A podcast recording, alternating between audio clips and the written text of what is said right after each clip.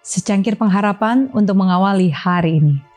Renungan pagi tanggal 28 Oktober. Barnabas senang karena orang-orang percaya baru.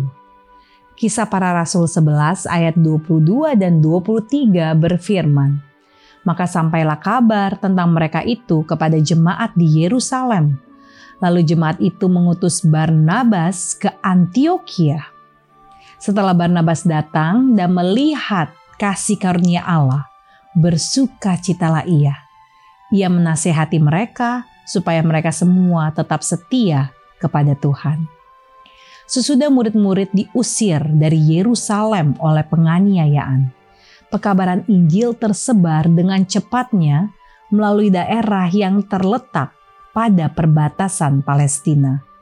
Dan banyak rombongan yang kecil dari orang-orang yang percaya dibentuk dalam pusat-pusat yang penting. Di antara tempat-tempat yang disebutkan di mana Injil diterima dengan gembiranya di Antioquia yang menjadi ibu kota Syria. Perdagangan yang luas yang dijalankan di kota yang berpenduduk banyak membawa kota itu dihuni oleh orang dari kebangsaan yang berbeda-beda. Di samping itu, Antioquia dikenal sebagai tempat pencinta kesenangan dan keplesiran. Karena situasinya yang menyehatkan, lingkungannya yang indah dan kekayaan, kebudayaan serta kehalusan budi pekerti terdapat di sana.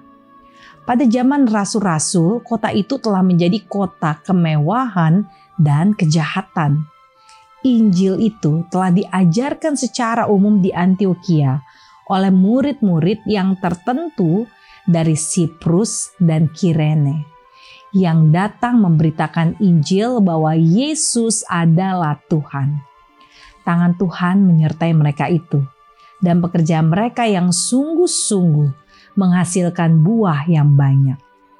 Sejumlah besar orang menjadi percaya dan berbalik kepada Tuhan maka sampailah kabar tentang mereka itu kepada jemaat di Yerusalem. Lalu jemaat itu mengutus Barnabas ke Antioquia. Waktu ia tiba di ladang yang baru, Barnabas melihat pekerjaan yang sudah dilaksanakan oleh rahmat ilahi. Bersukacitalah ia. Ia menasehati mereka supaya mereka tetap setia kepada Tuhan. Doa kita hari ini, marilah kita meminta kepada Tuhan agar kita semua tetap setia kepada Tuhan.